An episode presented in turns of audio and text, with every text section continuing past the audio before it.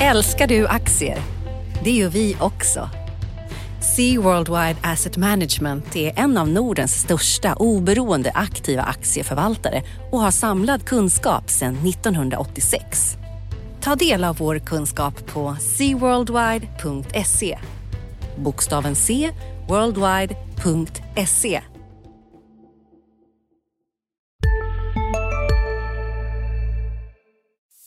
Som prenumerant på Dagens Industri får du tillgång till börsanalyser i världsklass. Följ frågorna som berör, lyfter och fördjupar. Bli prenumerant idag på di.se podderbjudande.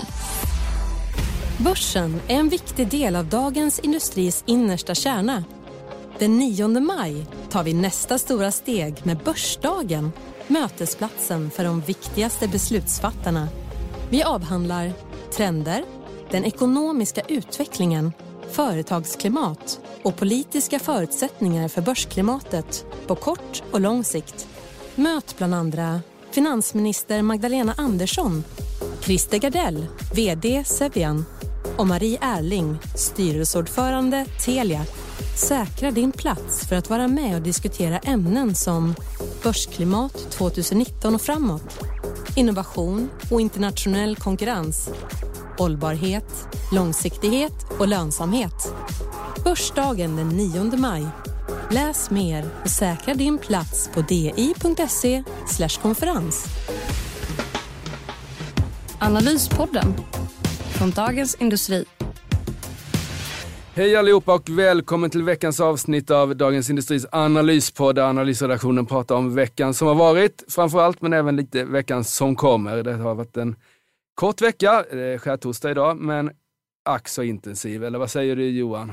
Riktigt intensiv har den varit. Vi har ju fått igång rapportperioden den här veckan och det är väl lite det vi ska prata om här i podden idag. Vi kommer gå igenom Sandvik som precis har kommit nu här på fredagsförmiddagen när vi går in i studion. Torsdagsförmiddagen. Torsdagsförmiddagen är det, förlåt. Mm. Jag är redan på långfredagen och i ledighetsmode här, men ja. Eh, så är det.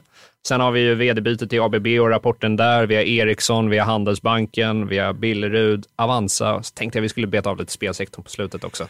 Det är bra eftersom vi, vi kör väl på här eh, helt enkelt. Var, ja. Eh, ska, vi, ska vi börja med Sandvik här då? Ja, det tycker jag. Man ska väl börja med det som är mest aktuellt. Klockan är nu halv tolv. Den har varit i, rapporten släpptes elva så börsen har varit igång en halvtimme och noteras faktiskt i detta just nu till all time high. Det gäller både Sandvik-aktien och hela börsen faktiskt.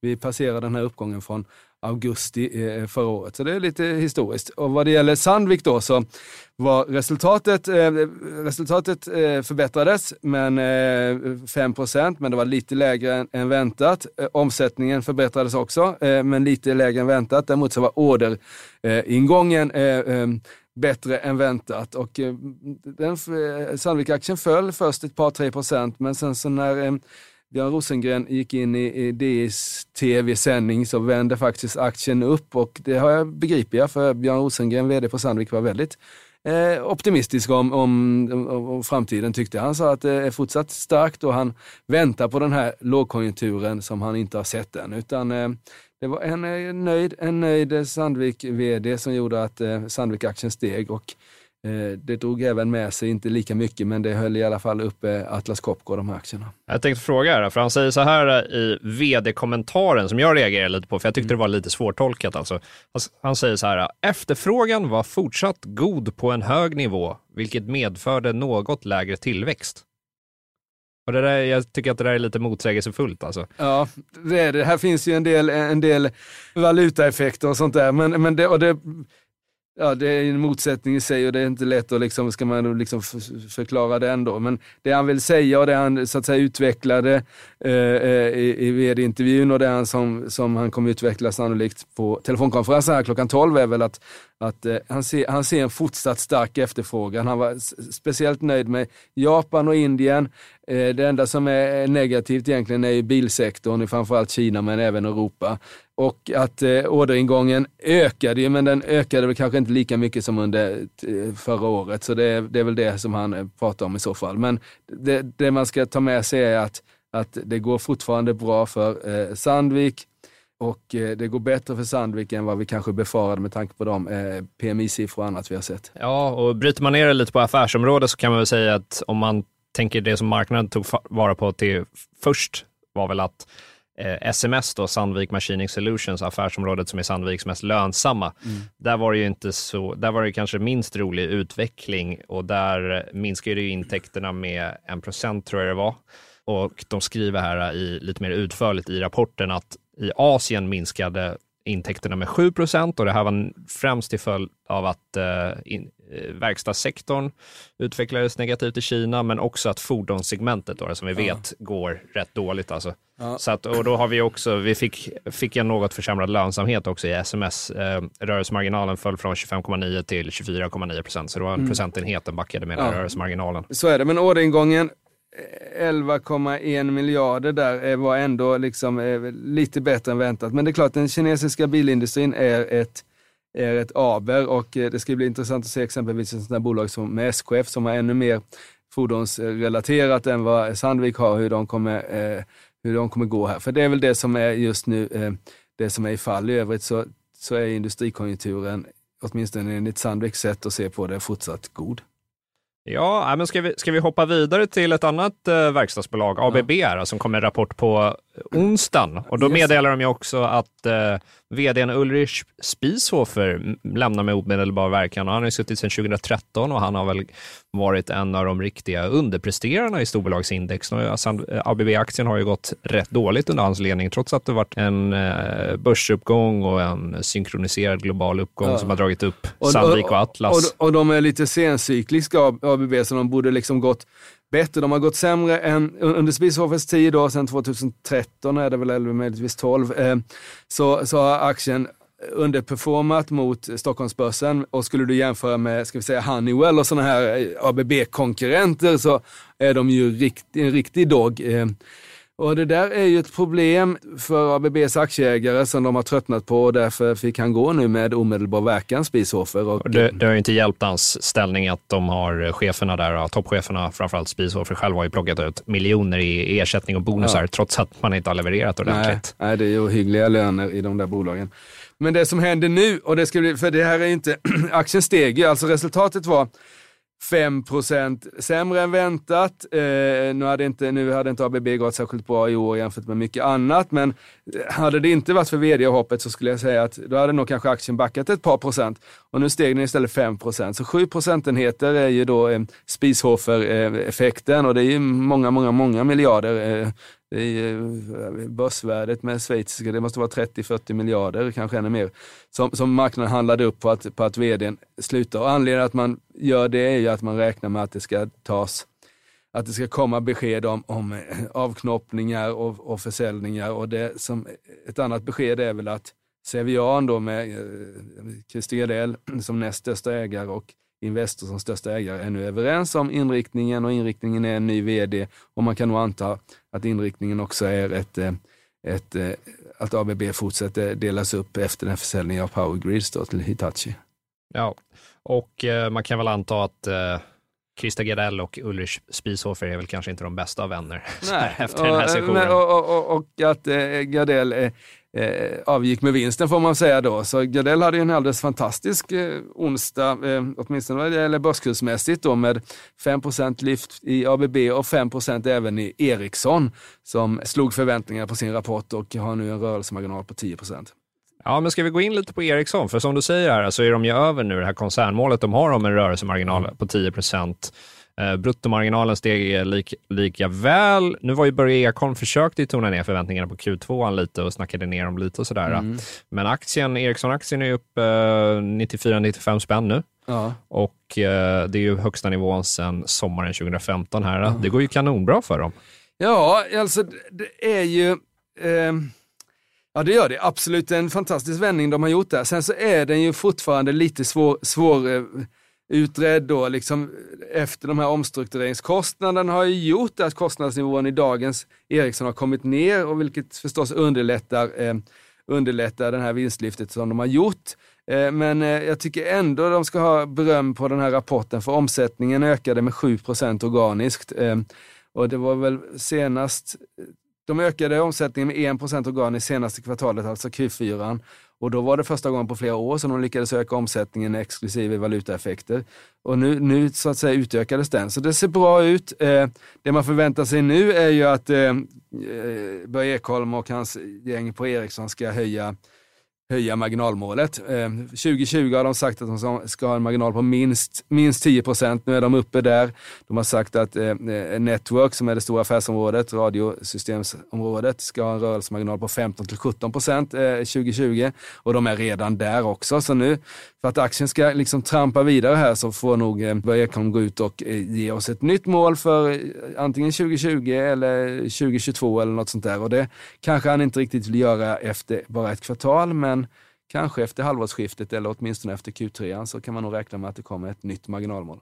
Han höjde dessutom eh, utsikterna för hela marknaden, vilket eh, förstås är positivt. Ja, och eh, lite kuriosa här är ju att eh, Ericssons börsvärde är ju nu 315 miljarder kronor. Så de är faktiskt nästan större än AB Volvo snart. De är tre miljarder ifrån här ser jag ja. på min lilla sammanställning. Det är en bedrift bara i sig. Så de är fjärde största svenska bolaget ja. då, då, om vi räknar bort ABB och Astra som är störst. Just det. Det kan fortsätta upp här. Det var ju, framförallt var det ju amerikanska analytiker som såg vändningen i, i, i Ericsson eh, eh, när den var nere här på, ja den har ju nästan fördubblats på ett år här. Den var ju nere på 50-55 spänn eh, och eh, har gjort bra affärer där. Det finns en hel del utländska ägare som, man, som har köpt Ericsson.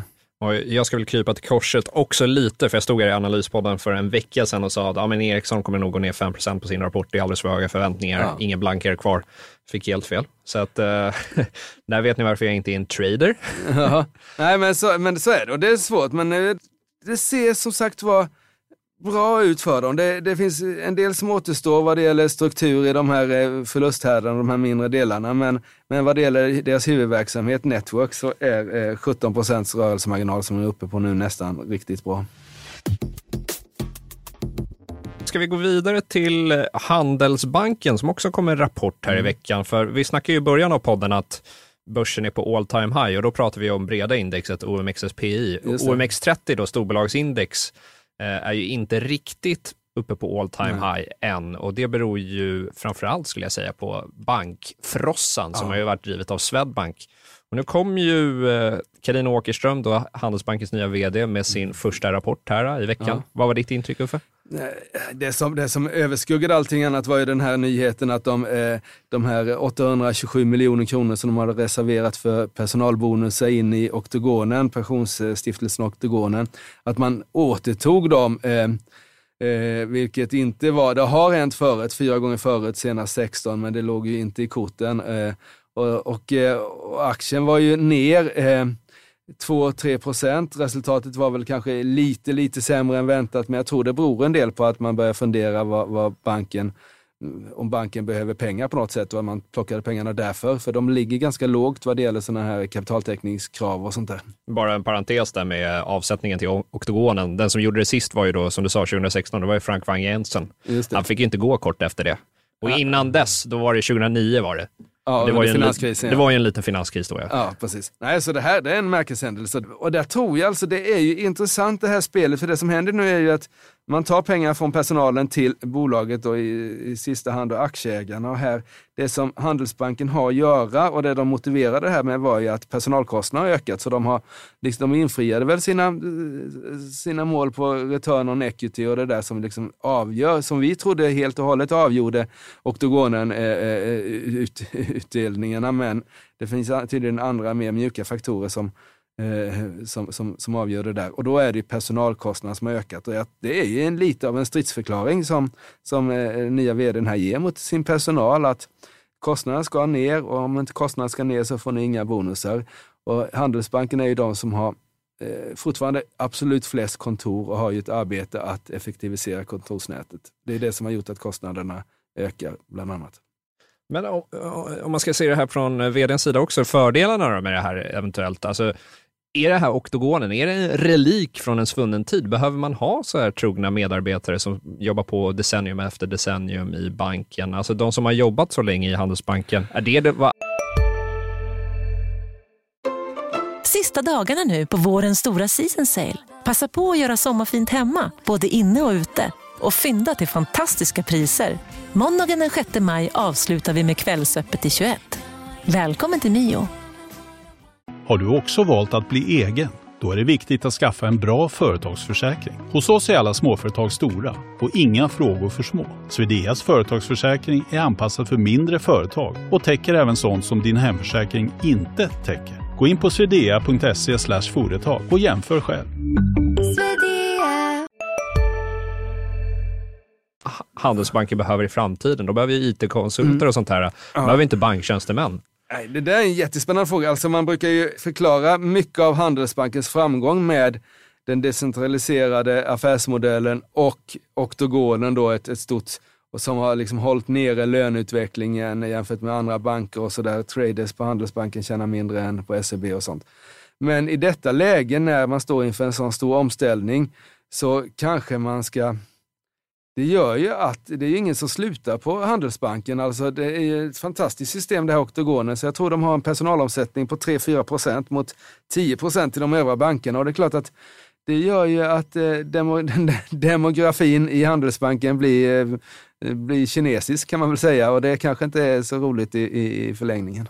Ja, och sen har vi också, det ska ju påpekas att i Handelsbanken har vi också en vice ordförande i styrelsen som heter Fredrik Lundberg. Och det här är ju en mycket försiktig herre. Han ja. ogillar ju skuld framför allt ja, annat känns ja, men. Ja, och det är, han är ju rutinerad. Ja, ja jo, så är det ju. Men det som är intressant här också, alltså det finns ju, eh, om vi tar historiken här, så har det ju varit eh, en, en maktkamp, eh, eller åtminstone, ska vi säga, någon slags strid, även om den aldrig varit uttalad, mellan Lundberg och gamla Handelsbanksfären. Och sen så vet vi hur det gick då efter de här flygskandalerna, hur Lundberg tog steget fram. Och det som händer nu är att oktogonen inte får några pengar att köpa Handelsbanksaktier för, vilket kommer stärka Lundbergs ägande relativt eh, personalstiftelserna och det är jätteintressant. Så ju mindre pengar oktogonen får, desto mer eh, stärks Lundbergs roll över det här. Så det är, eh, och vi får se vad som händer här, huruvida, eh, om inte oktogonen får några pengar här nästa år heller, så kommer det där eroderas med tanke på pensionsavgångar och sånt där. Så han slår två flugor i en smäll? Eller ja, kan man säga. Han, han, han, han, han stärker bankens finanser och han stärker sin egen makt över bolaget, banken. Ja, cred till Lundberg. Cred han, är, till Lundberg. han har varit med för. Men ska vi gå vidare till skogssektorn här, därför vi hade ju Billerud Korsnäs. Det här bolaget, eller den här aktien är ju en av de mest blankade på Stockholmsbörsen. Ja. Och eh, det var när man, vår kollega Mats Lundstedt beskrev det så här, att när man läste rapporten så tänkte man oj, här var det mycket varningar och så vidare. Och sen försökte han tona ner det på te telefonkonferensen. Uh-huh. Ja, men så, alltså de har ju, det som Petra Einarsson sa där var ju att, eh, att hon, hon, var nöjd med rapporten. Marknaden var väl inte lika med nöjd, den gick ner ett par procent. Eh, eh, det som är problemet här är att de inte tror att de kan höja priserna lika mycket som de har gjort. De har ju lyckats få igenom en del prishöjningar till följd av råvaruprisuppgången då. Massa, alltså alla träråvaror har ökat i pris och de har fått ut en del till sina kunder. Men nu kan de inte höja priserna mer mot kund och det är klart att då kanske man tror att det ska liksom, eh, marginalen ska pressas här. Den pressades ju lite under första kvartalet. Så det är, eh, men sen så är det ju, de har, de har ju en jätteinvestering som nu ska börja takta igång här då, så det kommer ju förstås vara avgörande för, för börskursen. Men det var väl ingen rapport som gör att man känner att man ska liksom in och, och köpa massvis av Billerud nu här i, i vår. Nej, eh, fick inte jag, jag fick inte den feelingen heller. Men, men, du, men du har ju, du har ju du har ju bevakat spelsektorn eh, med den äran här. Det har ju hänt grejer där också. Ja jäklar, där händer det grejer. Ja, men det började väl då i söndags kväll kan man väl säga när Global Gaming, som är en speloperatör som är listad på First North, här, de skickade ut en eh, vinstvarning och mm. eh, det är framförallt då, då på grund av eh, Sverige, omregleringen här. De är ju tungt exponerade mot Sverige. Eh, bland annat så har de ju varumärket Ninja Casino. Det, mm. Ni som har öppnat ögonen de senaste året kanske har nog sett den här reklamen ja. i, stort sett överallt. Eh, men eh, deras eh, lönsamhet minskar ju kraftigt. De redovisar ett minusresultat här. Intäkterna sjunker lika så. Mm. De säger att det är en tuff marknad som påverkar alla aktörer mm. eh, och så vidare. Och eh, det här har ju sänkt sentimentet i spelsektorn eh, en hel del under veckan. Och eh, sen så har vi också faktiskt eh, Leo Vegas då, då, som utreds återigen av UK Gambling Commission, alltså Storbritanniens spelmyndighet.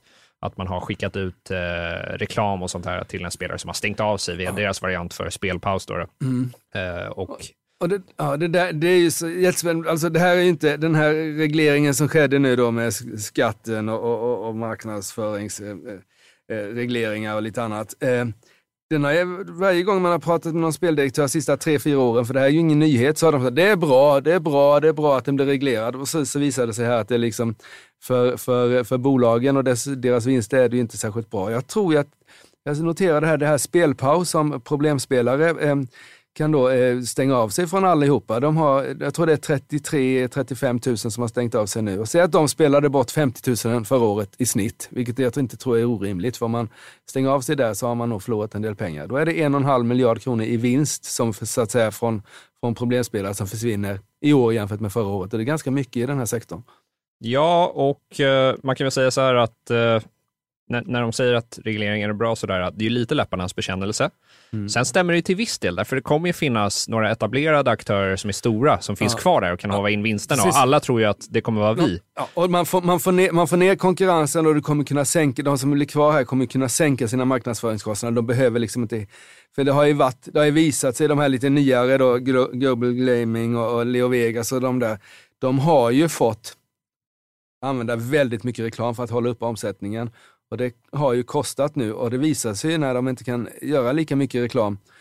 Det har ju minskat en del sista, sista, i mars i alla fall, så då faller omsättningen direkt. Ja, absolut. Och eh, sen så bara en, eh, en liten parentes där om spelpaus. Det är ju många av de här problemspelarna, det låter ju kanske cyniskt, men många av dem är ju då hög lönsamhet på dem. Ja, liksom. det är klart.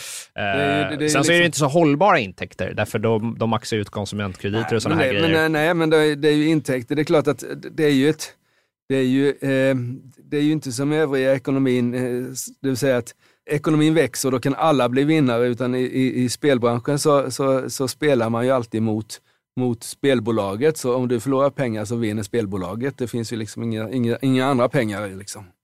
Ja, är det, men det blir mycket spännande här, för nu kommer ju då Kindred eh, med Q1 nästa Mm. vecka och eh, konsensus är väl att eh, det kommer gå sämre. Frågan är hur Mm. mycket sämre det går. Det är ju en del inprisat. Eh, Jag ska inte våga sia här, men eh, om man kommer ihåg hur de kommenterade saker och ting på bokslutet eh, i samband med Q4 för fjolåret som var i februari, så var ju, upplevde jag i alla fall, att Kindred var rätt bekväma.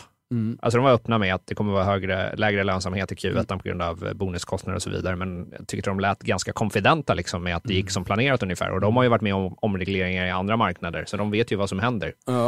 Eh, Men det känns som att omregleringen i Sverige var liksom nästan lite extrem. Att vi hade en extremt upphaussad marknad här. Det var ju eh, absurd reklam eh, ett tag. Liksom. Ja, det blir spännande att se.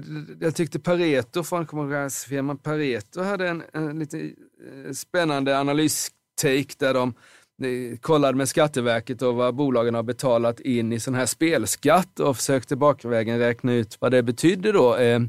Och då har de räknat fram att Betssons svenska omsättning ska då ha minskat med 46 procent här i mars månad och det ska bli jättespännande att se om man kan räkna på det sättet, för då kommer det vara många människor som är inne på Skatteverket och försöker kolla på eh, spelskatteinsättningar från en, enskilda bolag. Ja, de hade väl, eh, man ska väl credda DN. Jag tror det var DN som var först med att rapportera om det här för Ja. några veckor sedan, Ja. om det här med spelskatten. Men eh, om man tänker på, om, om jag sa att Kindred lät lite bekväma i Ja. samband med bokslutet, så lät, var Betsson lite mer försiktiga. Ja. VDn där Pontus Lindvall, i en intervju i DTV sa han att det här kan vara resten av 2019 till exempel, att det är så här stökigt och så vidare. Ja. Försökte tona ner det lite. Ja, det är Spännande, för han köpte ju ändå ut, han var ju med och köpte ut Cherry från börsen här. Kanske inte var den bästa affären, vi får se. Ja, vi får se.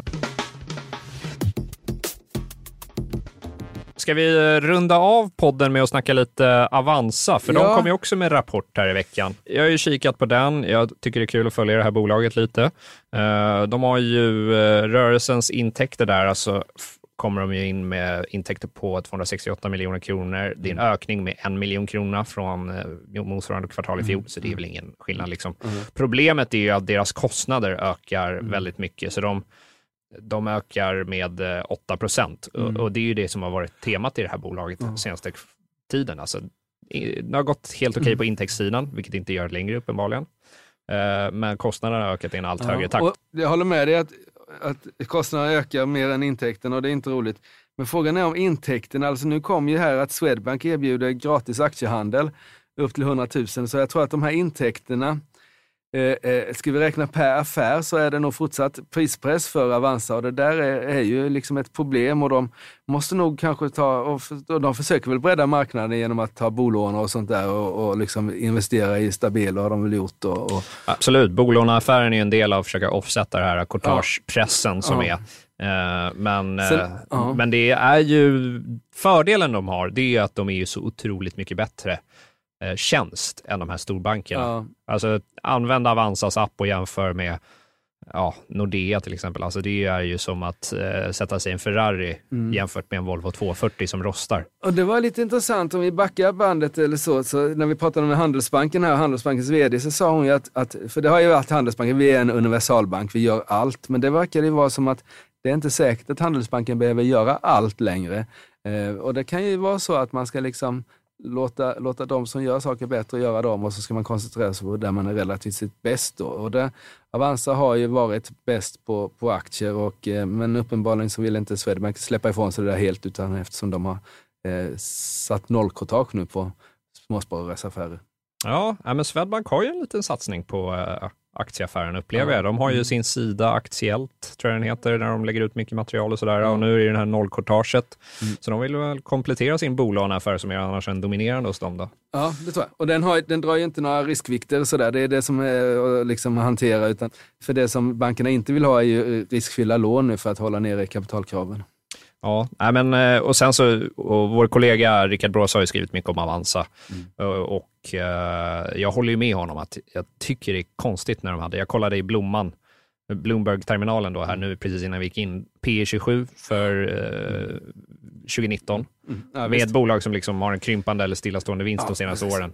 Nej, det är högt. Det är högt. Och det har ju varit ett, man har ju liksom kunnat betala det där för att det har varit ett strukturellt case. Att om du tar liksom, eh, 20-åringar som, som ska välja, välja mäklare så har ju Avanza en klart högre andel bland dem än på marknaden i stort. Det vill säga att strukturellt så bör de då ta marknadsandelar. Eh, men som sagt var P 20 och vinstminskning brukar inte lira så bra ihop.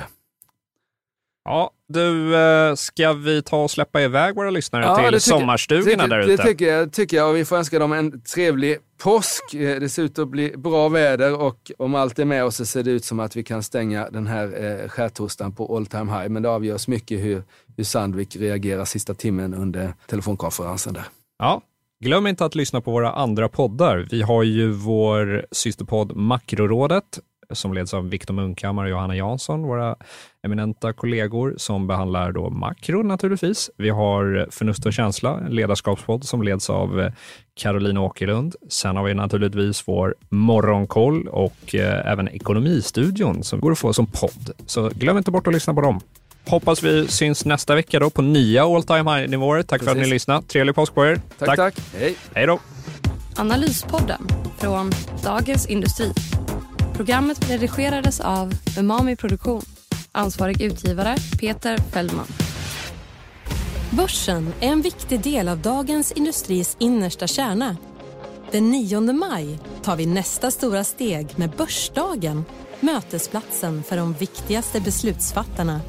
Vi avhandlar trender, den ekonomiska utvecklingen, företagsklimat och politiska förutsättningar för börsklimatet på kort och lång sikt. Möt bland andra finansminister Magdalena Andersson, Christer Gardell, VD Sevian och Marie Erling, styrelseordförande Telia. Säkra din plats för att vara med och diskutera ämnen som börsklimat 2019 och framåt, innovation och internationell konkurrens, hållbarhet, långsiktighet och lönsamhet. Börsdagen den 9 maj. Läs mer och säkra din plats på di.se konferens. Som prenumerant på Dagens Industri får du tillgång till börsanalyser i världsklass. Följ frågorna som berör, lyfter och fördjupar. Bli prenumerant idag på di.se podderbjudande.